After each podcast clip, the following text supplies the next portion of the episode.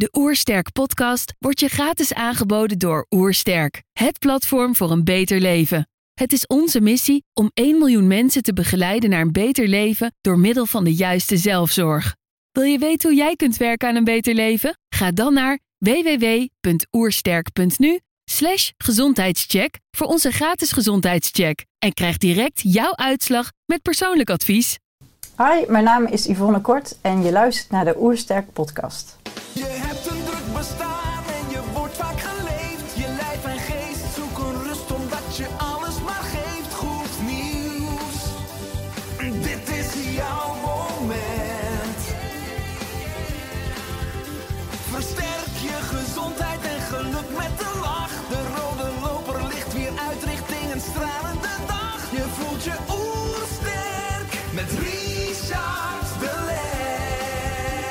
We zijn hier in Heemskerk voor een podcast met Yvonne Kort. Yvonne is mondhygiënist en auteur van de boeken Eet je mond gezond en Gezond begint in de mond. Ik ben benieuwd naar haar tips voor een beter leven. Trouwens, geniet je van onze podcast? Abonneer je dan en laat een reactie of review achter. Zo help je ons om het gezondheidsvirus te verspreiden. Let's start! De Oersterk Podcast. Een ontdekkingstocht naar een beter leven. Yvonne, welkom. Dankjewel, dankjewel. Op je website staat een spontane, stralende lach spreekt boekdelen en staat gelijk aan geluk en gezondheid. Hè, hoe is het met de mondgezondheid in Nederland en België? Ja, wat zal ik erover zeggen? Nou, ik- nou, als ik vanuit mijn, mijn eh, vakgebied zeg maar kijk en ik kijk naar de mensen die bij mij in de praktijk komen, eh, dan zie ik dat de mondgezondheid, nou helemaal toen ik startte met werken, een beetje een ondergeschoven kindje was. En mensen vonden het niet zo belangrijk, die vonden het ook eigenlijk niet heel erg leuk om naar een mondhygiënist eh, te gaan. Want die deden je pijn, of die doen je pijn. Dus ja, ik vind wel dat daar eh, veel meer aandacht eh, voor mag komen. Helemaal als je kijkt naar de algehele gezondheid ook. Nou, ja, dat is wel heel erg opvallend. Ja, dus er is veel achterstallig onderhoud als het ware. Ja, maar, eh, ja onder andere. Ehm, maar ook vooral dat mensen het ook gewoon niet belangrijk vinden, zeg maar. Een goede, eh, gezonde mond. Ik bedoel, ze willen allemaal een sixpack en eh, eh, ja, de- dat je haar goed zit en naar een schone specialist en zo. Maar Ja. ja, die mond, dat is het minst belangrijk. Er wordt ook het minst tijd aan besteed. Terwijl dat zo'n belangrijk onderdeel van Ik ben het met je eens, Ja, maar dat gaan we wel doen veranderen door de inhoud van deze podcast. dat hoop ik wel. Eh, ik denk ja. dat het voor iedereen enorm belangrijk is om te luisteren of te kijken. Ehm, als je ook kijkt naar de mond en natuurlijk hè, het gebit, ook naar de kaak waar de tanden in zitten en de kiezen. Hè, de kaak lijkt evolutionair steeds kleiner te worden. Ja. Eh, hoe kan dat en hoe zorgt dit ook voor problemen? Ja, er wordt gezegd dat het onder andere komt do- doordat ons voedsel veranderd is. Dus we hebben veel eh, gemaksvoedsel, zeg maar, waar je weinig op hoeft te kauwen. En dat zorgt ervoor dat die kaak zich aanpast eigenlijk aan het voedsel wat we op dit moment eten. En ehm, ja, we zien ook al terug dat die laatste molaren, zeg maar, dus je verstandskiezen, bij een deel van de kinderen al niet meer in aanleg zijn. Dat past niet meer. Voorheen moest het er allemaal uitgehaald worden. En ja, nu eh, door de evolutie heen, zeg maar, past het lichaam zich aan. En maakt het die laatste kiezen gewoon niet meer aan. Ja, en een deel, ik las 35 procent. Dus Ja. dat is echt 1 op de 3. Ja, Dat is fors. ja, Maar je ziet er dus wel hoe slim de evolutie is dan Ja. ook in het ontwerp van Ja. de kaak. ja. Ehm, wat ik natuurlijk mooi vind als je kijkt naar eh, de mond- of tandartsen.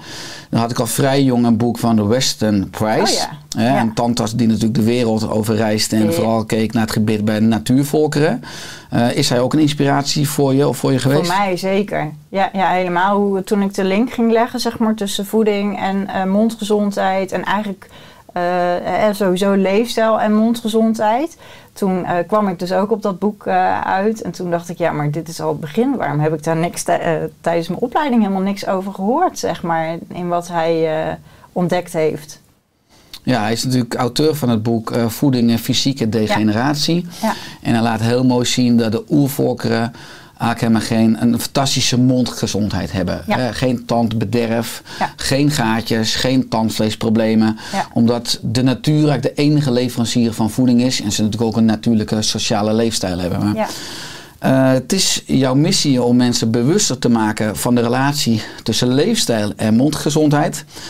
Waar komt deze missie vandaan? Ja, dat is een goede inderdaad, ja. Nou, in eerste instantie ehm, eh, ben ik, zeg maar, niet alleen maar... Hè, ik ben mondhygiënist. Ehm, op een gegeven moment dacht ik, ja, weet je... Ja, ik zit alleen maar die gebitten schoon te maken. Mensen zien het belang niet van een gezonde mond. Ik moet daar eens eventjes wat meer aandacht aan gaan besteden. Ik ben mijn kennis niet gaan verdiepen, maar gaan verbreden, zeg maar. En ehm, toen was eigenlijk het idee van ik wil die mondgezondheid veel belangrijker maken onder de Nederlander. Eh, hoe kan dat? Nou ja, leefstijl vinden ze vaak wel belangrijk. Of tenminste, hè, voeding vooral. Daar was wel vraag naar. Nou, dat zet ik in ehm, om die mondgezondheid te verbeteren. Nou ja, en als je daarin gaat duiken en daar meer kennis over krijgt, dan zie je ook wat het effect zeg maar, is van voeding op de mondgezondheid. En niet alleen van het, eh, het poetsen wat, wat je aangeleerd wordt. Zeg maar. Je kan nog zo goed poetsen. Maar als jouw voeding gewoon slecht is, zeg maar, ja, dan ontwikkel je nog steeds problemen. Mhm. Ja, maar wat je zegt, je hebt belangrijke bacteriën natuurlijk ook in de mond. Mhm. Eh, die, of goede en slechte bacteriën, net hoe je ze wil noemen. De goede bacteriën moeten leven op natuurlijke onbewerkte voeding. Daar gaan we zo misschien wat dieper op in. De slechte bacteriën die gedijen vooral ook goed zeg maar, op suikerrijke, Mhm. eh, bewerkte voeding. Is het dan ook een enorm gemiste kans? Want jij ben je misschien gaan afwijken ten opzichte van veel van je vakgenoten. Dat heel veel van je vakgenoten, mondhygiënisten, tandartsen, zijn iedere dag vooral aan het repareren. En mensen komen twee keer per jaar. eh, maar mensen blijven even ongezond eten. Waardoor ze eigenlijk twee keer per jaar Ja. langs kunnen blijven komen. Ja. Eh, is het een gemiste kans ook eh, in je vakgebied dat er nog te weinig aandacht voor is? Ja, ik denk dat het op dit moment wel heel erg aan het veranderen is. Er komt wel steeds meer, eh, eh, toevallig hoorde ik het laatst ook op een, eh, op een congres, dat er steeds meer aandacht voor is, zeg maar. Ook in, ja, wat, wat ik zeg, dus dat, je- ja, je kan twee keer per dag poetsen, maar daar red je het niet mee. Je Mhm. moet ook wat aan je, aan je leefstijl doen. Dus dat, ja, een gemiste kans, ja. Aan de andere kant, dat was misschien een aantal jaar geleden zo, toen ik ermee startte, zeg maar, met die aandacht daar voor leefstijl en mondgezondheid. Maar, maar je ziet in de loop der tijd dat daar steeds meer aandacht voor is. En ook echt een professor van de ACTA die daar, eh, of professoren die daarmee bezig zijn. Dus dat vind ik wel, ben ik heel blij mee. Vind ik echt heel fijn. Ja, mooi. De ACTA is natuurlijk het opleidingsinstituut, de Universiteit voor Tandartsen. Ja, En misschien ook ja, voor mondhygiënisten. maar De, daar worden ook mondhygiënisten Oké. opgeleid, ja. Ja, dus je was eh, veel aan het werk eh, in je behandelkamer. Ja. En je dacht van, ik wil eigenlijk meer tools of kennis hebben. Ik wil verbreden. Eh, je besloot orthomoleculaire voedingsleer te gaan studeren. Wat bracht jou dit? Eh, nou, in eerste instantie heb ik eh, vitaliteitstherapie gedaan. Toen wilde ik dus me nog verder verdiepen. Toen ben ik de orthomoleculaire opleiding gedaan. En het mooie wat ik daar vond is eh, alle systemen zeg maar, van het lichaam die met elkaar samenwerken. En ehm, nou ja, vooral ook die low-grade inflammation, dus die chronische ontstekingen. Eh, die, eh, nou ja, die daar behandeld werden, zeg maar, waarvan ik wist van ja, maar hey, parodontitis, de aandoening van het tandvlees, de welvaartsziekte zeg maar in de mond, die gaat ook gepaard met die chronische ontstekingen. En toen zag ik die link heel erg, zeg maar, tussen nou ja, en voeding en dan dat, eh, nou ja, het evolutionaire perspectief natuurlijk tijdens de opleiding. eh Western Price die toen om de hoek kwam Mhm. kijken. Dus toen, eh, ja, ja, maakte ik wel echt heel duidelijk die connectie tussen eh, nou ja, leefstijl, en voeding en, ehm, en parodontitis dan vooral. Ja, want ik las over die opleiding dat je zei, alles kwam voor mij samen. Ja, Ja. ja, is natuurlijk interessant eh, wat je net zegt, dat steeds meer vakgenoten bewust worden en interesse krijgen over het belang van voeding en leefstijl. En Ja. dan misschien in de behandelkamer ook advies over geven. Ja. Het is natuurlijk ook heel interessant dat je een A4'tje kan meegeven met een voedingsplan volgens de schijf van vijf. Of misschien de reguliere richtlijnen. En natuurlijk een voedingsplan kan geven op basis van misschien de Westernprijs meer de oer, de natuurvolkeren. ja.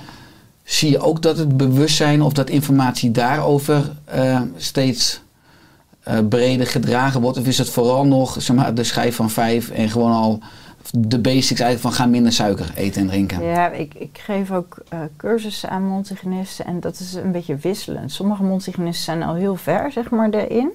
Dus die zien ook dat schijf van vijf ook niet, niet eh, nou ja, alles uithaalt, zeg maar, en soms niet toereikend is. Eh, nou ja, en andere zijn daar wel. Weet je, het hangt er ook een beetje van af waar de patiënt vandaan komt, zeg maar. Hoe slecht is hun voedingspatroon? Ja, en bij de een eh, win je al, zeg maar, door richting de schijf van 5 te gaan. Ja, bij een ander moet je al verder, zeg maar, eh, dan wat de schijf van 5 adviseert. Dus dat is ook heel erg persoonsafhankelijk en, en patiëntafhankelijk. En ehm, wat ik heel erg, ik ben denk ik vanaf 2010 zeg maar daar, nou ja, vooral in mijn hoofd aan het begin mee bezig geweest. En dan vanaf 2014 dat ik het ben gaan uitdragen op mijn website. En eh, wat ik zag eh, is dat, er, dat de Nederlander ook nog opgevoed moet worden in wat voeding kan doen. En dat ze over het algemeen vinden dat ze al heel gezond eten. En ehm, aan het begin was er heel veel weerstand. Ja, maar ik ga niet uh, wat met mijn voeding doen. En soms kwamen mensen ook terug en die waren automatisch al bijvoorbeeld uh, richting nou ja, oervoeding gegaan, zeg maar. Nou, en dat knapte gewoon zien er ogen op in die mond. Terwijl dat ze jarenlang bijvoorbeeld ontstekingen rondom kronen hadden. En uh, door de voedingaanpassingen, dat dat ineens een stuk rustiger was. Dat was wel heel opvallend. Mm -hmm. Dus maar ik, uh, hè, even naar jouw vraag van uh, onder de mondhygiënisten. Dat, ja, als ik dat dus zie in die, in die cursus, dat, dat is een beetje wisselend hoe ver ze zijn. En ook, in, ook daar zie je weerstand. Ondanks dat je het uitlegt, zeg maar. Maar ook daar um, blijven ze toch nog vraagtekens houden. Ja, dus het gaat toch wel om geleidelijke stapjes, ook in ja. de kennis hè, en ja. vaardigheden van mondhygiënisten, maar ook zeg maar, onder mensen. Want het is natuurlijk een ja. al geworden mythologie. Iedereen zegt ik eet gezond, omdat je denkt dat dit gezond is, omdat je het geleerd hebt van je ouders. Uh, je geeft ook aan, het is altijd maatwerk in de zin van dat je moet kijken voor een persoon wat haalbaar is. En soms is het al nou goed als iemand enorm bewerkt eet om naar de schijf van vijf ja. te gaan. Nou, ik had iemand inderdaad een voedingsdagboekje ingevuld en uh, die kwam bij mij terug. En die was zelf alle suiker gaan vervangen. En dat was voor haar een hele win. Dat was ook te zien in de mond. Maar verder wilde diegene niet. Ja, dan kan ik pushen en zeggen van ja, maar als je dit en dit nog gaat veranderen, dan wordt het nog beter. Maar als die wil er niet is, die motivatie er niet is en ze vinden het zo prima, mm-hmm. ja, dan, dan blijf ik het iedere keer aankaarten. Maar dan houdt het voor dan eventjes op. En dan kan het best zijn, dat vind ik het mooie van ons vak, zeg maar, dat mensen regelmatig terug blijven komen. Dus het is niet zo dat, dat, je, dat ze op een gegeven moment uitbehandeld zijn. Nee, als ze parodontitis hebben, blijven ze om de drie, vier of zes maanden terugkomen. Dus je kan iedere keer kan je het weer aankaarten. Ja. Maar goed, voor haar was dat dus al een win. Ja, ja en je bent dan ook echt gespecialiseerd in, uh, in parodontitis. Vooral de relatie tussen leefstijl en parodontitis. Parodontitis, wat je net al zei, problemen van tandvlees. Komt het veel voor in Nederland? Ja, ja. Ja, en het echte parodontitis is uh, ongeveer 10% van de Nederlanders die het heeft. Uh, maar sowieso tandvleesontstekingen komt wel heel erg veel voor. Ja, en dat is de voorloper, ja, zeg precies. maar. Ja. Zie je echt dus, dat het dus in de, in de pockets richting het uh, tandbot gaat? Ja, ja, ja. dus eerst heb je dat het tandvlees ontsteekt. Nou, dat kan bij iedereen wel eens een keer het geval zijn. Dat is, is een gingivitis? Dat is gingivitis, ja. En ja, weet je, dat het zo erg is het niet. Het is prima als er ergens een ontsteking zit en als het lichaam het snel weer oplost. Hè, dat is uh, hartstikke goed. Uh, het probleem is inderdaad op het moment dat die ontsteking zich uitbreidt richting het kaakbot, waardoor het kaakbot aangetast wordt en eigenlijk alle omliggende weefsels waarin, uh, waarmee de kies of tand in het kaakbot vaststaat. Nou, en hoe minder kaakbot je natuurlijk hebt door die ontsteking, op een gegeven moment ga je tanden en kiezen verliezen.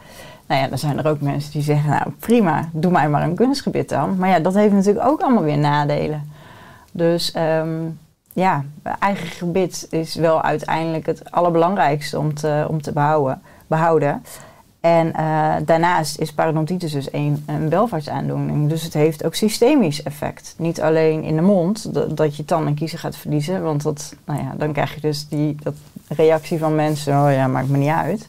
Nee, het heeft ook systemisch uh, een effect op je, dus op je algehele gezondheid. Ja, dus het begint letterlijk in de mond, hè, gezond. Dat is ook een boek van je.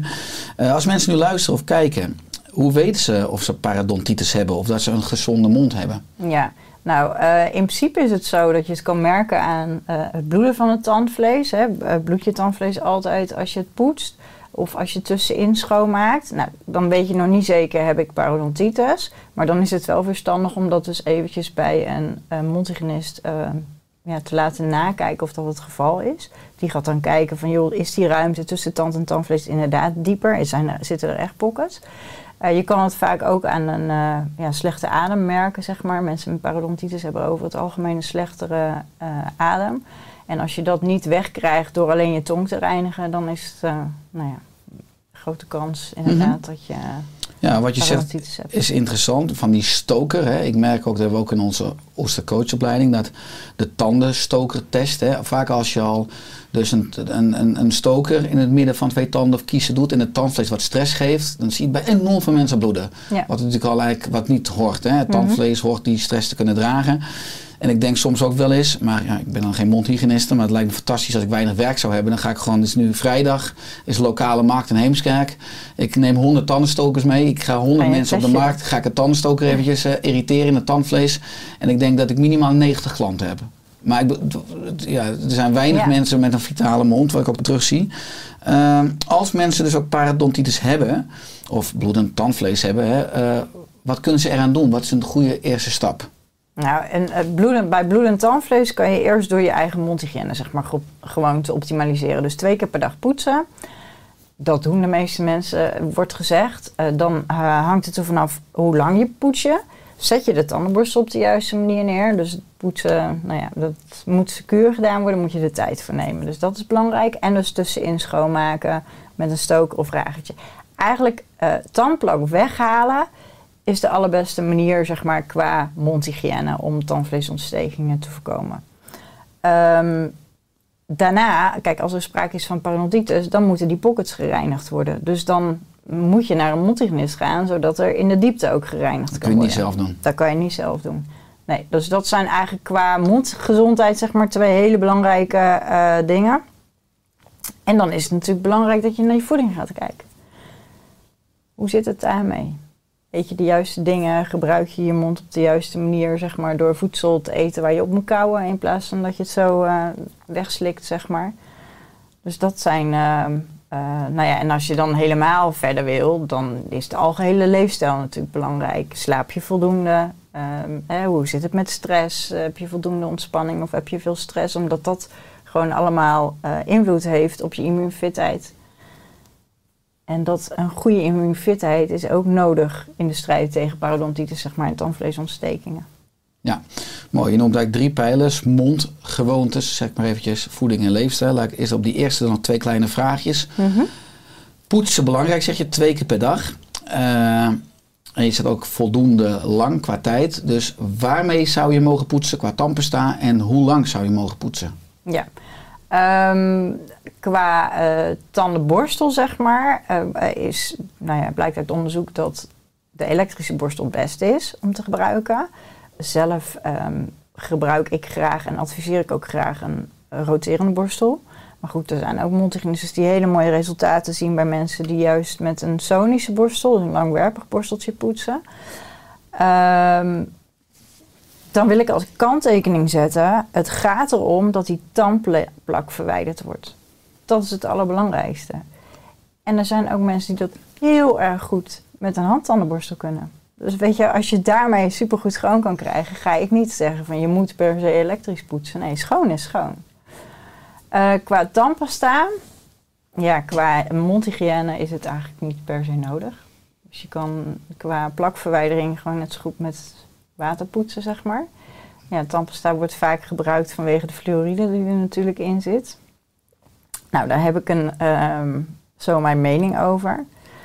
Eh, aan de ene kant zeg ik van zou er voldoende fluoride eh, aanwezig moeten zijn in, je, in het water wat je drinkt en eh, bijvoorbeeld een kop thee.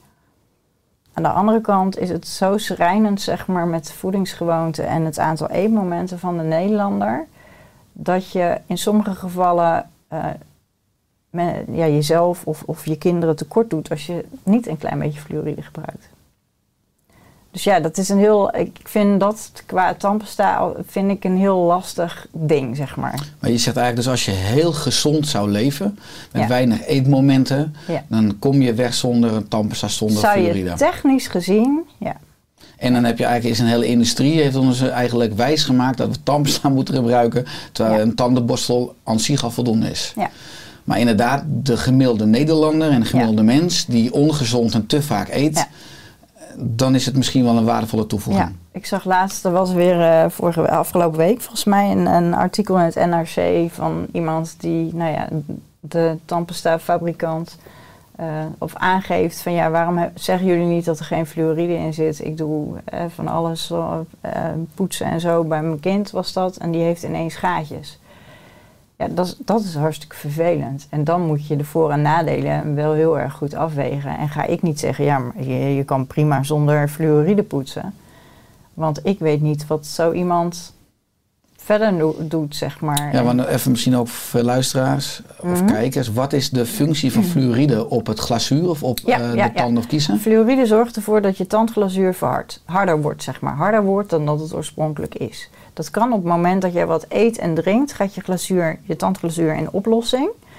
Als je dan eh, wat fluoride in, in je mond nog aanwezig hebt, zeg maar, dan verhardt dat tandglazuur weer en dan kan er fluoride ingebouwd worden, waardoor het harder wordt en waardoor bij een volgend eetmoment het minder snel in oplossing gaat. Dus dat is het voordeel van, van fluoride. Ja, je zei Ja. het zit in een kop thee of zit in thee. In thee zit het. Ja. Je zei ook een beetje in water. Ja. Maar bijvoorbeeld, hij leeft niet meer, maar eh, Hans Molenburg, huisarts in Haarlem, heeft toen- voorkomen dat fluoride aan drinkwater Ja. zou worden Ja. toegevoegd. Dat bedoel je niet. Het zit natuurlijk Nee. niet in ons drinkwater. Nee, het zit een klein beetje in. Het is, jawel, het zit wel in drinkwater, maar het wordt niet toegevoegd. exact, het wordt het niet zit van nature, zeg maar, zit er een klein beetje in.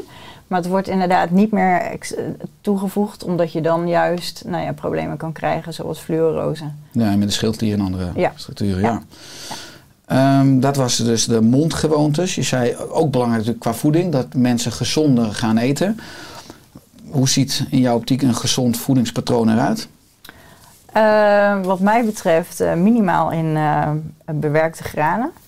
Ehm, of liever niet, zeg maar. Ja, we laten we daar nog op ingaan. Hier staat je boek op tafeltje. Je bent auteur van het boek Eet je mond gezond. En je ziet ook dat veel mensen ontbijten 's morgens met bijvoorbeeld brood met jam of hagelslag. Eh, hoe gezond is dat ook vanuit het perspectief van de mond? Nou, minder gezond dan wanneer je gewoon ontbijt met ehm, eh, iets van fruit of ehm, onbewerkte producten. Brood is nog steeds, eh, we denken van niet, maar een bewerkt product. En bewerkte granen, vooral de, eh, het zetmeel wat erin zit, dat zorgt voor een nou, andere eh, samenstelling van de mondflora dan wanneer je met onbewerkte producten zeg maar, je ontbijt eh, samenstelt. Ja. Ja, ik onderbrak je, maar ga door. qua Nee, maakt niet uit. want- Nee. Dus, dus eh, nou, vooral groente, fruit is belangrijk. Eh, je eh, vis, je omega-3 vetzuren is belangrijk. Ehm, ja, wat ei- eiwitten. Eiwitten zijn altijd belangrijk. Heb je nodig voor slijmvliezen gezond te houden, maar ook voor speekselproductie. Ehm, zit ik er dan ongeveer? Nou, dat zijn onder- onderhand de grootste, de, de belangrijkste voedingsgroepen, denk Ja, ik zo want ongeveer. je noemt omega-3 vetzuren. Ja, Hè, en veel mensen eten nu juist ook vetarm, hè, omdat ze Ja. bang of we bang voor vetten zijn gemaakt. Wijs of niet? Nee, niet wijs. Nee, nee, nee.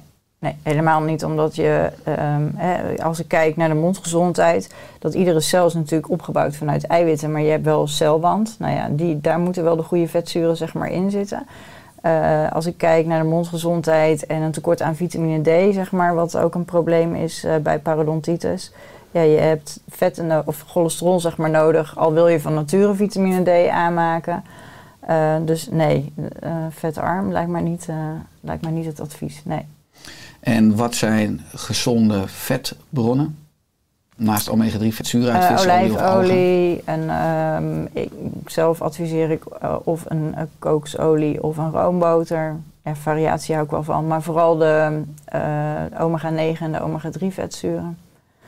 En minder plantaardige oliën zoals zon- zonnebloemolie. En als je het natuurlijk hebt over de mond, waar iedere dag voeding in komt, afhankelijk Mhm. van hoe vaak je per dag eet. Er zijn natuurlijk ook heel veel mensen die roken. Ja. En nou, over het algemeen rook je, nou ja, eh, wat is het, eh, aantallen, maar ook tientallen sigaretten per dag. Sommige mensen Ja. althans, of een pakje per dag. Wat doet roken met de mondgezondheid? Ja, dat is eh, ehm, nou ja, heel nadelig. Ten eerste krijg je natuurlijk rookaanslag, dus de bruine verkleuringen in de mond. En ehm, De nicotine die gewoon. Ja, en ten tweede eh, heeft het direct invloed op het mondslijmvlies. En het heeft natuurlijk een, eh, zorgt voor een verminderde afweer. Dus die immuunfitheid gaat weer naar beneden, waardoor ja, je lichaam zeg maar, minder bestand is tegen een parodontitis. Dus eh, we zien bij rokers ook dat ze snelle parodontitis hebben. Maar als ik het als mondhygiënist zeg maar behandel, dat het herstel ook minder goed is en veel langzamer gaat dan bij niet-rokers. Dus het is wel echt ehm, ja, heel nadelig zeg maar, voor, de, voor de mondgezondheid. Mhm. Ja. Ik vind het een mooi woord voor wat je noemt, de immuunfitheid. Ja, Waardoor straks het tandvlees ook sneller gaat bloeden. ja, Als je kijkt naar snel bloedend tandvlees, zie je dat onder andere ook terug bij mensen die een eh, histamine-intolerantie hebben. mhm. Wat steeds bij steeds meer mensen voorkomt. Is hier iets aan te doen? Ja die histamine-intolerantie. eh, Nou, sneller bloedend tandvlees, dat, dan kom ik weer op die mondhygiëne, zeg maar, je bacteriële flora. Ehm, een gezonde leefstijl dus ook, of gezonde voeding eigenlijk, waardoor je een optimale flora krijgt. Ehm, en die histamine-intolerantie, ja, dat is ook wel kijken naar welke producten er zorgen voor, hè, waar veel meer histamine in zit, dat wat verlagen. En eh, letten op slaap en stress. Omdat als je minder slaapt, dat je lichaam vaak ehm, nou ja, daar meer last van hebt, zeg maar, dan wanneer jouw slaap ook op orde is. Dus dat is wel iets eh, nou ja, om in de gaten te houden. Dat zijn er Ja. twee pijlers, slaap Ja. en stress. De twee S'en. Ja, Ehm, nou, je bent auteur van twee boeken. Eh, je boek Gezond begint in de mond is ook in het Spaans en het Hongaars vertaald, las ik. ja. Hoe is dat? ja bijzonder. Het Spaans en Hongaarse mensen Ja. van, eh, Ja. ja, van jouw Ja. wijsheid en kennis ook mogen profiteren. Ja, ja, en ik hoorde zelfs. eh, nou, nou goed, het was eerst Hongaars. Ja, weet je, dat is, het is hartstikke leuk, maar je krijgt er weinig van mee. En eh, de, de Spaanse uitgever, daar kreeg ik dan wel wat van te horen op een gegeven moment. Dat eh, ook is, is dat een uitgeverij, zeg maar, die ook in Zuid-Amerika zit. Dus ja, daar ligt het boek ook. Ja, Ja, Maar. Spaans is natuurlijk eh, enorm veel Ja. landen spreken Ja. Spaans. Oh, dus, Ja. dus je bent de hele wereld al over. ja, ja, Internationaal. zo kan je het wel zeggen. Ja. Maar ik merk er niks van. Dus wat dat betreft, ja, het is leuk. Maar het is een leuk weetje.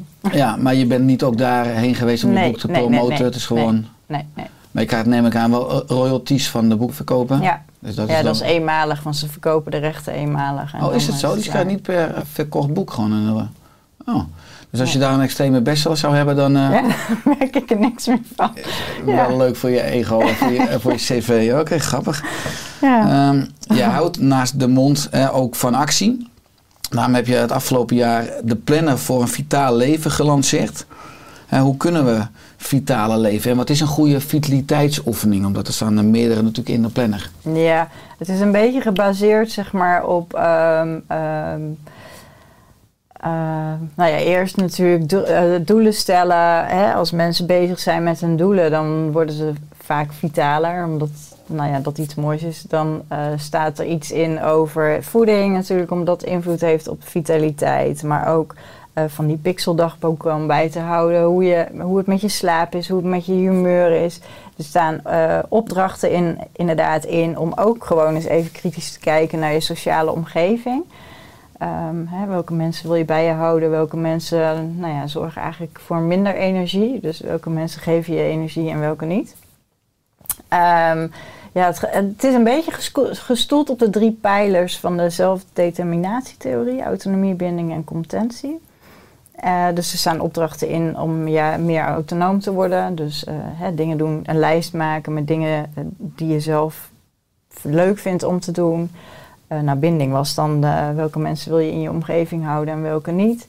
En competentie is ook, eh, wat zijn je sterke eigenschappen? Doe daar meer van, doe daar van de week meer van.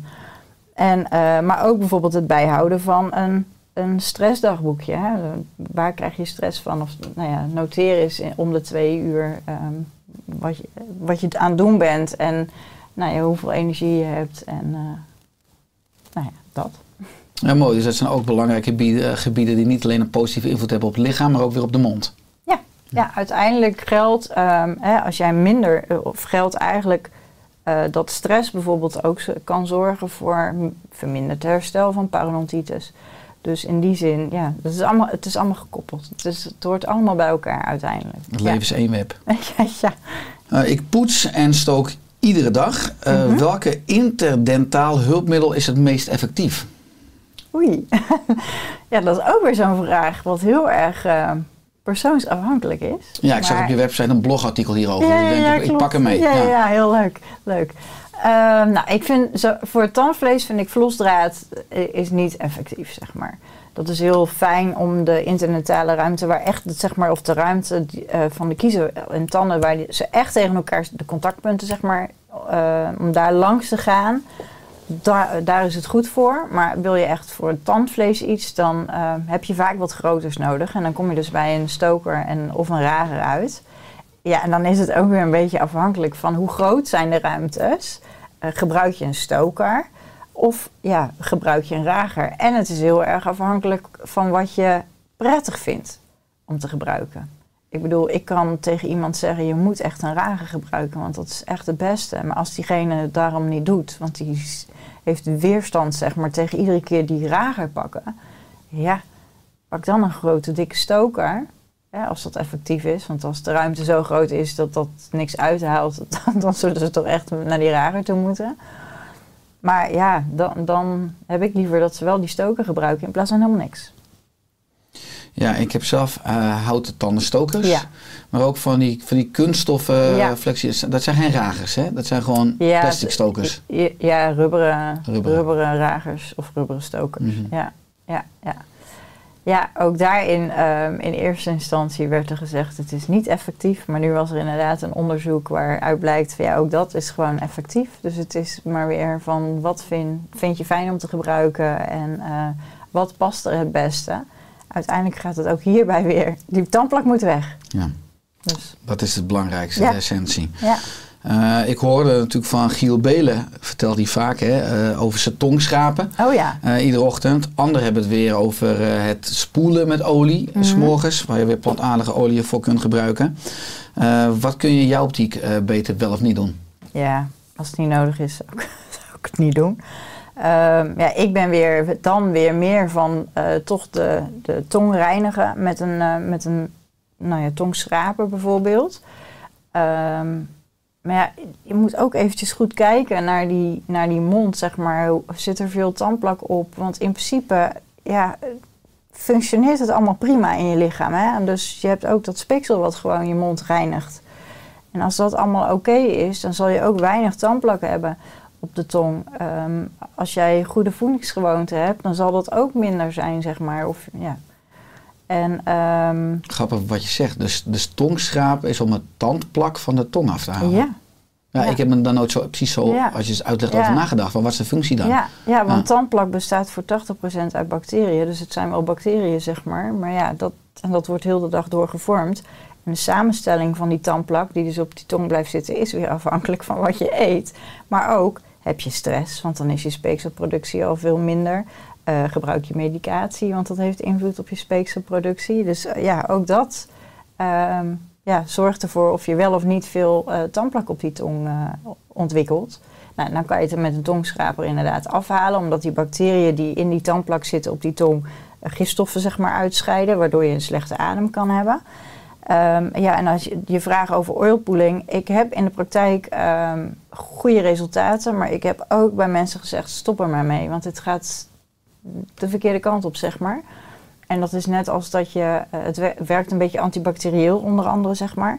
En dat is net als, ehm, als dat je met een ander antibacterieel eh, spoelmiddel gaat spoelen.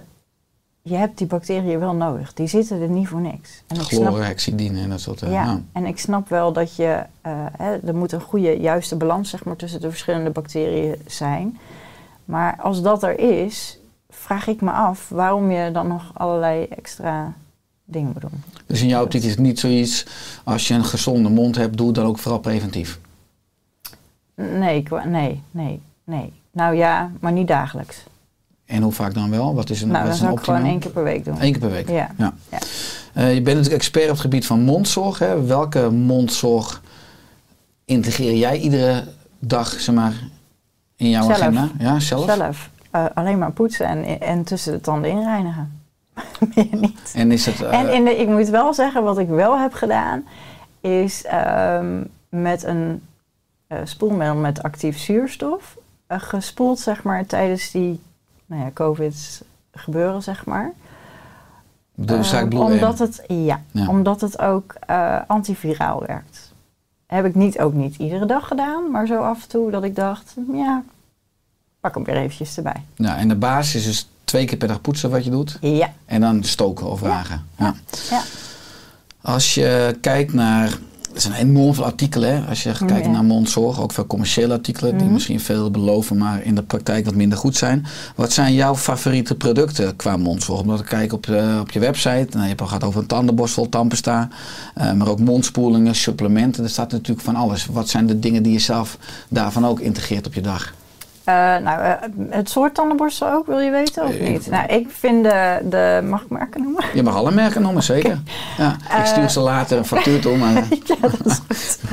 Eh, Oral-B, daar ben, die elektrische borstel. Ik heb ook de, de, de Sonische van Philips heb ik ook uitgeprobeerd. Maar ja, ik val toch iedere keer terug bij, naar die Oral-B. Ook in mijn advies naar de patiënt toe. Maar dat is gewoon wat ik zie in de praktijk, zeg maar, aan resultaat. Ehm, voor tussenin gebruik ik een houten stoker. En heel af en toe een ragertje. Klein, een klein, heel klein ragertje. En ehm, voor de rest qua supplementen een, een vitamine D, ehm, vitamine C en regelmatige multi. Maar ik ben niet zo heel, heel goed in supplementen eh, nemen, dus daar houdt het eigenlijk wel bij op. En eh, even kijken, had ik voor de rest nog... eh, ja, tongschraper heb ik wel in de kast liggen, maar ik moet zeggen dat ik die ook niet super veel... nee, ja, ik ben heel erg simpel eigenlijk daarin. Ja, nou ja, ja. En het volstaat. eenvoud, hè, dat is erg belangrijk in het leven. Ja, Wat je natuurlijk ook heel veel ziet, kinderen, jongeren, volwassenen, dat ze de hele dag aan het kauwen zijn op kauwgom. Mm, dat is ja. ook vaak wat ik dan Ja. heb als ik in de supermarkt aan het wachten ben bij de kassa. Zie je ook al die verleidingen natuurlijk naar je roepen, ook met die bewerkte koolhydraten, maar ook vaak kauwgom. Zie je vaak mensen nog een pakje kauwgom ook op de band gooien. Is kauwgom een goed idee? Eh, de suikervrije variant zit xylitol in. En xylitol is een, een natuurlijke zoetstof die wel anticariogeen werkt. Dus tegen gaatjes, zeg maar. Dus in die zin. Eh, daarnaast een, een, voordeel van kauwgomkauwen is dat het de speekselproductie stimuleert. En het gestimuleerde speeksel reinigt nog beter dan het speeksel wat zo aanwezig is in de mond. Dus in die zin is kauwgomkauwen oké. Ehm, maar een nadeel is natuurlijk en eh, het lang kauwen erop, zeg maar, het lucht wat je allemaal naar binnen eh, neemt en de, je kaken, zeg maar, die je overbelast. Dus ja, ja.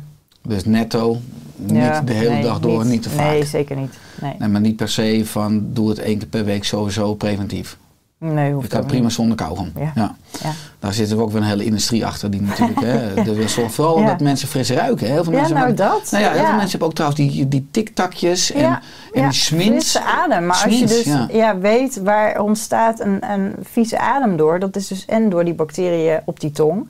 Maar ja, die zitten vooral als je veel zetmeel en suikers zeg maar eet. Maar die smintjes zitten vol met suikers. En, die zoet, ja. zitten, ja. ja en daarmee onderhoud je eigenlijk dat je smint blijft kopen. Ja, eigenlijk wel. Eigenlijk symptoombestrijding, omdat je de oorzaak niet aanpakt. Ja, ja. Nou, interessant om daar een, eh, een campagne op te doen. Want hoeveel mensen je wel niet allemaal van die, van die snoepjes iets nemen voor een frisse mond. Ja. ja, en het stimuleert natuurlijk speeksel. En ik denk dat dat misschien wel ook...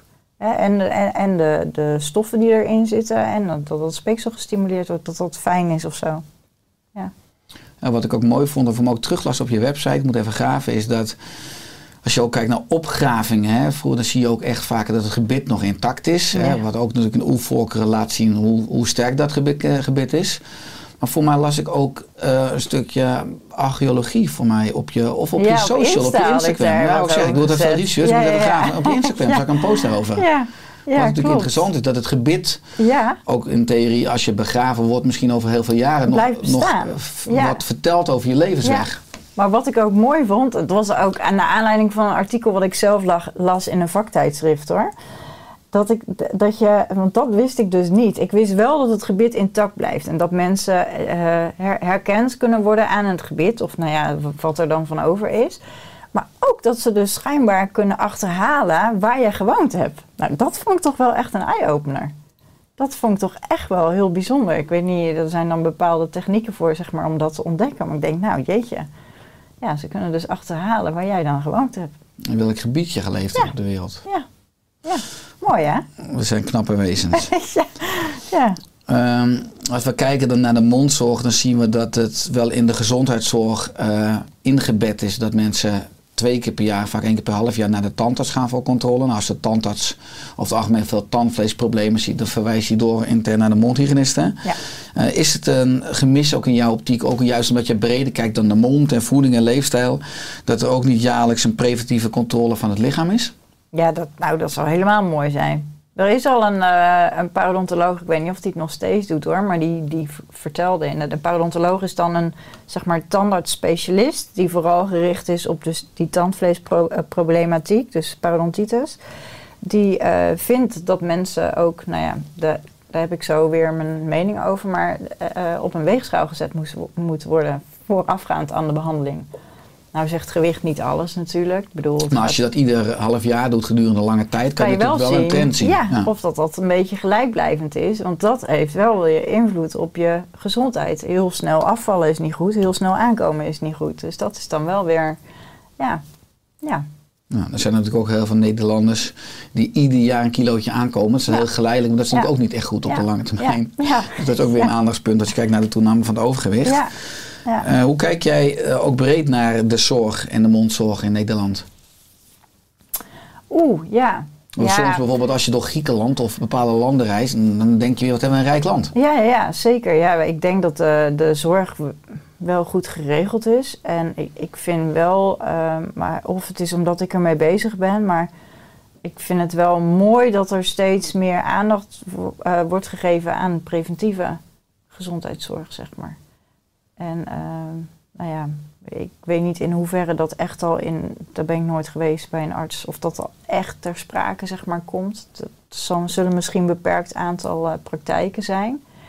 Maar ja, dat, we hebben natuurlijk zelf hebben we best wel wat in de hand. Dus dat vind ik wel heel goed. Wat ik niet goed vind, is dat er zo makkelijk medicatie voorgeschreven wordt. En dat als, nou ja, dat heb ik dan van nabij zeg maar gehoord. Als dan blijkt dat eh, niet achterhaald kan worden eh, wat de oorzaak is geweest van de aandoening. Nou, blijf nog maar eventjes een half jaar preventief die medicijnen doorslikken. En dan denk ik, hmm, ja, dat vind ik wel een beetje, een beetje vreemd, zeg maar. En in hoeverre werken tandartsen, huisartsen, medisch specialisten, mondhygiënisten met elkaar samen? Is, is, is daar... Goed. Ja? Ja, ja, ja, ja. En dan wordt ook steeds meer. eh, komt dat zeg maar dat bijvoorbeeld ook ehm, met een diëtist samen ehm, gewerkt gaat worden. Dus dat. eh, ja, sowieso in de tandheelkunde wordt er goed samengewerkt. Dus de tandarts eh, verwijzing naar, tenminste, dat is ook een beetje vanuit mijn oogpunt, hè, hoe ik het ervaar. Ja, dus dat vind ik wel dat er een hele goede samenwerking is. Maar dus ook naar andere paramedische of medische beroepen wordt daar eh, steeds meer, eh, ja, zie je steeds meer een samenwerkingsverband. Ja. Zijn er andere landen in Europa of op de wereld die eh, initiatieven hebben die ons kunnen inspireren op het gebied van mondzorg? Oeh, ik weet dat ze in de Scandinavische landen wel redelijk ver zijn, maar ik kan het je zo niet, niet zeggen of da- wat dat dan exact is, zeg maar. Ik weet, maar ik vind wel dat zij altijd wel eh, inventief zijn. Het zou interessant zijn natuurlijk om een soort documentaire te maken Ja. en, en over de wereld, net als Western Ja. Price, Ja. eigenlijk als mondhygiënist over de wereld te gaan reizen. Ja, Eh, leuk idee. Uh, nou, bij, bij deze, je mag, je mag het idee hebben. Wat zou jij doen als eh, minister van oergezonde monden? Ja, ik zou... Ik zou ehm, bedoel, je Nou ja, ziet- eigenlijk ook wel een beetje wat ik, wat ik nu zou, zou doen, zeg maar. Dus uitdragen het belang van een gezonde mond, zeg maar. Ook, eh hè, parodontitis heeft gewoon een, een relatie met diabetes, met hart- en vaatziekten, met, eh, met reumatische aandoeningen, met de- depressie. Dus het, er zit echt een hele grote overlap. En wat ik zou willen doen is... ehm, ja, daarin dus leefstijl betrekken. Dus ehm, ehm, dat, nou ja, dat iedereen in staat is zeg maar, om zijn gewoontes te veranderen. Dat zou ik helemaal geweldig vinden. Dat niet die weerstand zo heel duidelijk aanwezig is bij mensen om hun gewoonte te veranderen. Want dat, blijft nog steeds heel erg moeilijk. En helemaal als het om de mondgezondheid gaat. Ja, dat vooral. Vooral de, de aandacht ervoor. Mhm. Aan de ene kant, wat je, wat je in je antwoord zegt, is. Zorg dat mensen ook de juiste kennis hebben, maar dat Ja. veel meer ook dan richten op het mensbrein. Aan de andere kant zie je natuurlijk dat mensen weerloos zoete kou zijn. Dat er eh, enorm veel industrieën zijn die ons continu de verkeerde kant op Ja. trekken. Ook op het gebied Ja. van suikers en dus een ongezonde mondgezondheid. Is het ook dus een noodzaak dat het parallel loopt? Dat we ook, of nou een suikertax is, maar dat de industrie hè, eigenlijk de hoeveelheid eh, ongezond bewerkt voedsel met een negatief effect op de mond, dat het ook aan banden wordt gelegd? Of? Ja, weet je, ik, ik heb ook een beetje, dat vind ik ook lastig. Want ik vind gewoon dat mensen zelf hun keuzes moeten maken. Maar dan moeten ze wel in staat zijn om keuzes te maken. Dus ze moeten eerlijk voorgelicht worden. Autonomie dus vooral is eh, Ja, centraal bij jou. Dat, ja, dat vind ik wel echt heel erg. Want je kan wel overal weer zeggen dat mag niet, dat mag niet, dat mag niet. Maar dat heb ik, nee, dat vind ik ook verschrikkelijk. Nee, je moet duidelijk uitleggen wat de voor's en te- tegens zijn, voor- en nadelen. En ehm, ja, maar misschien, ik denk wel dat het iets aan banden gelegd kan worden. Want het is nu wel extreem, zeg maar. En, Ja, ja. en, en hè, wat je, het maakt het gezonde eten goedkoper. En, maar ook goede voorlichting. Dat mis ik wel heel erg. Ja, Ja, want als je al eh, juiste kennis hebt, dan kun je ook sneller de juiste keuze Ja. maken. ja. Het is natuurlijk een filosofische vraag, zal ik je niet stellen, maar is er wel een vrije wil als je het hebt over, eh, over autonomie? Omdat je ook vaak ziet in bepaalde publicaties dat bijvoorbeeld bacteriën in je mond of bacteriën in de darm ook allerlei stofjes aanmaken die weer effect hebben ook op onze eetvoorkeur. Dus dat juist Ja. ook de verkeerde bacteriën die groeien op suiker, Ja. juist het brein beïnvloeden om meer suiker te gaan Ja. eten. Dus dat, nou, dat is interessant in dit perspectief. Eh, naast gewoon het vlees en bloed, dus leefstijl, het aardse, hebben emoties, hè, hebben die ook een effect op de mondgezondheid? ja, ja. Maar dan ga je weer naar ehm, eh, het, het twee dingetjes eigenlijk. Aan de ene kant ehm, eh, heel veel negatieve emoties ervaren, hebben invloed fys- fysiek, zeg maar. Eh, aan de andere kant merk je ook dat mensen die bijvoorbeeld veel stress hebben en veel negatieve emoties ervaren, ook minder goed voor zichzelf gaan zorgen. Dus het zijn twee dingen. Dus ze hebben geen zin meer om die tandenborstel te pakken. eh, maar aan de andere kant is het ook het fysieke van alle nou ja, hormonen en neurotransmitters, zeg maar, die eh, erbij komen kijken, die invloed hebben. Ook weer op die immuunfitheid. Ik vind die immuunfitheid. Ja, dat, is, dat is eh, het kernwoord van deze podcast. Een mooi woord. Maar dan heb je dus vooral over negatieve emoties. De andere kant is natuurlijk dat je zwemt de hele dag in positieve emoties. Dat Ja. je vreugde, dat je dankbaarheid, dat je liefde ervaart. Ja, ja, maar als jij dat ervaart, zeg maar, dan. Ehm, eh, en het heeft fysiek invloed, zeg maar. Maar het heeft ook invloed op ehm, eh, dat jij ook beter voor jezelf wil gaan zorgen over het algemeen. Als je meer positieve emoties ervaart. Dus ook in dat opzicht, zeg maar, heeft het effect op, op de gezondheid. Maar en op de algehele gezondheid. Je, als jij eh, goed in je vel zit, wat over het algemeen is als je meer positieve emoties ervaart, ehm, maak je over het algemeen betere en gezondere keuzes, zeg maar. Dan wanneer je nou ja, je down voelt en depressief voelt. Ja, waar, als we gaan kijken naar gewoon de koppeling al tussen emoties en het zenuwstelsel. eh, positieve emoties zullen meer inwerken op de parasympathicus, opbouw, herstel, genezing, maar ook eh, eigenlijk waterig speeksel als Ja, je ook gaat kijken in de Ja. mond. En, en echt negatieve emoties of stress werken meer in op de sympathicus, wat ook echt plakkerig speeksel is. Ja, Wat, ja, meer mukeus, meer Dus- slijmvormig speeksel inderdaad. Ja. Dus daarin zie je ook altijd die hele balans in het leven van ontspanning, inspanning als samenhang Ja. dus met speeksel in de mond en slijmvlies. Ja, ja, ja, dus het is niet alleen gewoontes die, die makkelijker te veranderen zijn als je meer positieve emoties eh, eh, hebt, zeg maar. Maar ook inderdaad het invloed op je immuunfitheid. En invloed inderdaad direct op je, op je zenuwstelsel en je, en je speekselproductie. Ja. Ja. Ja.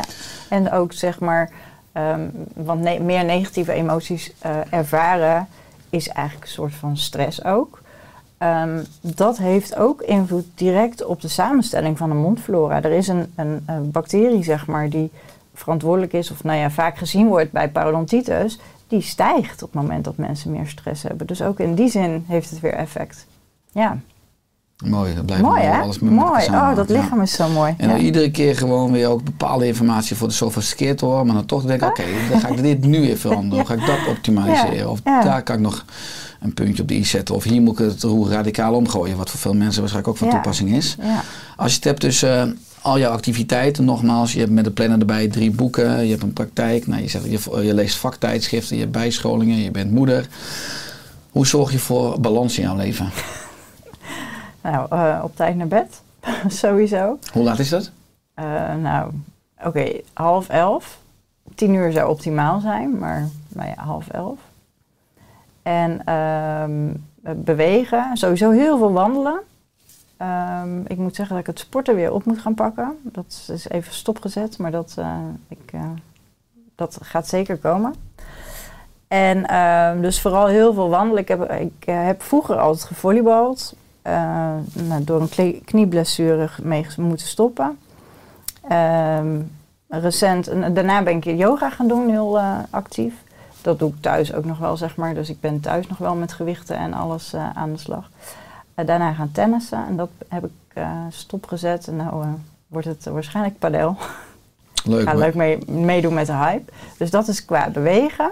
Als je zegt wandelen, plan je dat in je agenda of is het al een intrinsieke motivatie? Nee, ja, dat vooral. Hm. Ja, maar ook gewoon heel veel lopend doen. Dus lopend boodschappen doen, lopend de kinderen naar school brengen of op de fiets. Eh, of gewoon s'avonds nog even een, een rondje lopen. Flink stevig doorlopen, zeg maar. Ja, want je hebt geen hond. Nee, Weet je, ik heb Nee. bijvoorbeeld een hond, dus ik Nee. loop ook heel veel. Maar ook meer een hond als veiligheidspal, zeg maar. Ja, Omdat ik ja. al grote stukken met Bobby, onze hond, loop dan. ja, nee, ik vind het geen probleem. Maar alleen, eh, of, of ik neem de kinderen mee. Of, eh, Ja. Nee, dat. Ehm, voor de rest, eh, qua ontspanning. Ja, weet je, ik hou van schrijven. Ik vind dat echt heerlijk. Ik vind het ook heerlijk om. en ik denk dat dat, dat nou ja, voor iedereen zeg maar een must is. Om ook gewoon je gedachten op papier te zetten. Ook voor die balans, zeg maar. Dat je niet eh, gaat piekeren en eh, dingen loslaat, zeg maar. Dus dat, dat vind ik ook wel een, een pre. Ehm, ja, met mijn planner natuurlijk, mijn lijstjes maken. En dan loop ik weer ergens tegenaan en denk, oh ja, eventjes bijhouden. En dan, weet je, dan kan ik dat ook weer aanpakken. Ehm, qua voeding, ja, dat is vooral oervoeding wat ik, wat ik doe. En daar voel ik me heel erg goed bij. En dat doe ik eigenlijk al sinds, ehm, nou, ik denk 2010 of zo. Dus echt wel heel lang al. Ja, dat geeft je energie en dat, eh, ja, dat merk je gewoon. En verder qua zelfzorg, nou ja, dat was het eigenlijk wel een beetje.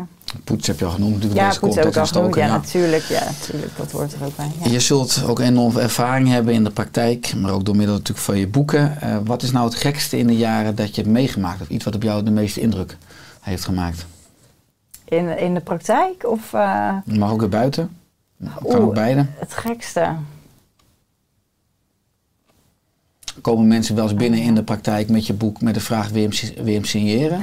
Die heb ik nog niet meegemaakt. Nou, Ik, ben, ik ben heel slecht in eh, verkopen. Dus ehm, regelmatig eh, nou, zie ik mensen in mijn boek lezen in de wachtkamer. En dan zeg ik, eh, leuk boek hè? Ja, ja, hartstikke leuk. Ja, dat heb ik geschreven. Oh, echt? dus nou ja, dat, dat kom ik nog wel tegen. Dat vind ik dan wel echt heel grappig eigenlijk. Maar is dat het boek Ik dat als inkijk-exemplaar in je wachtkamer Ja. ligt? Oké, zo. Ja. niet, ja, ja, ja. ja, ja, dus dat is wel, eh, wel grappig. Dat, dat mensen niet weten dat jij de auteur bent. Dat is inderdaad Ja, grappig. ja, ja, ja, ja. Ehm, nee, ja. Ik, ik kan zo even niet snel iets eh, dat ik denk, oh, dat vond ik echt heel erg leuk. Ja, weet je wat ik heel erg leuk vind nu? Is dat ik steeds meer gevraagd word, zeg maar, om, eh, nou ja, lezingen of iets voordrachten te geven, zeg maar. Dat vind ik wel echt heel erg leuk om te doen. Maar dat mag weer. Dat Maar afgelopen dat, twee eh, jaar dat ook mag gemist weer. Ja, ja, ja. Dus dat is wel, wel inspirerend. Ja, en we, qua gekke dingen in de, in de praktijk, nee, qua patiënten. Nee. Nou, niet iets dat ik, nee, zo kan. eh, Prima, dan maken we een brug naar zeg maar, je droom, je missie. Wat is je missie of je droom voor aankomende jaren? Voor mezelf. Ja. Oh, oh, ja, die heb ik wel heel erg. Ik moet hem nog wel even scherp stellen, zeg maar. Maar ik zou heel erg graag eh, mijn bevindingen in de praktijk, zeg maar, met leefstijl en met, eh, en met voeding, zeg maar, ehm, nog beter documenteren. Ik ben er, nou ja, ik zie snel dat mensen dat het beter gaat bijvoorbeeld en dat documenteer ik zo. Maar ik zou echt meer, zeg maar, als onderzoek, dus meer de cijfers, de harde cijfers eraan willen hangen. Eh, ben ik mee bezig ook, ben ik mee gestart.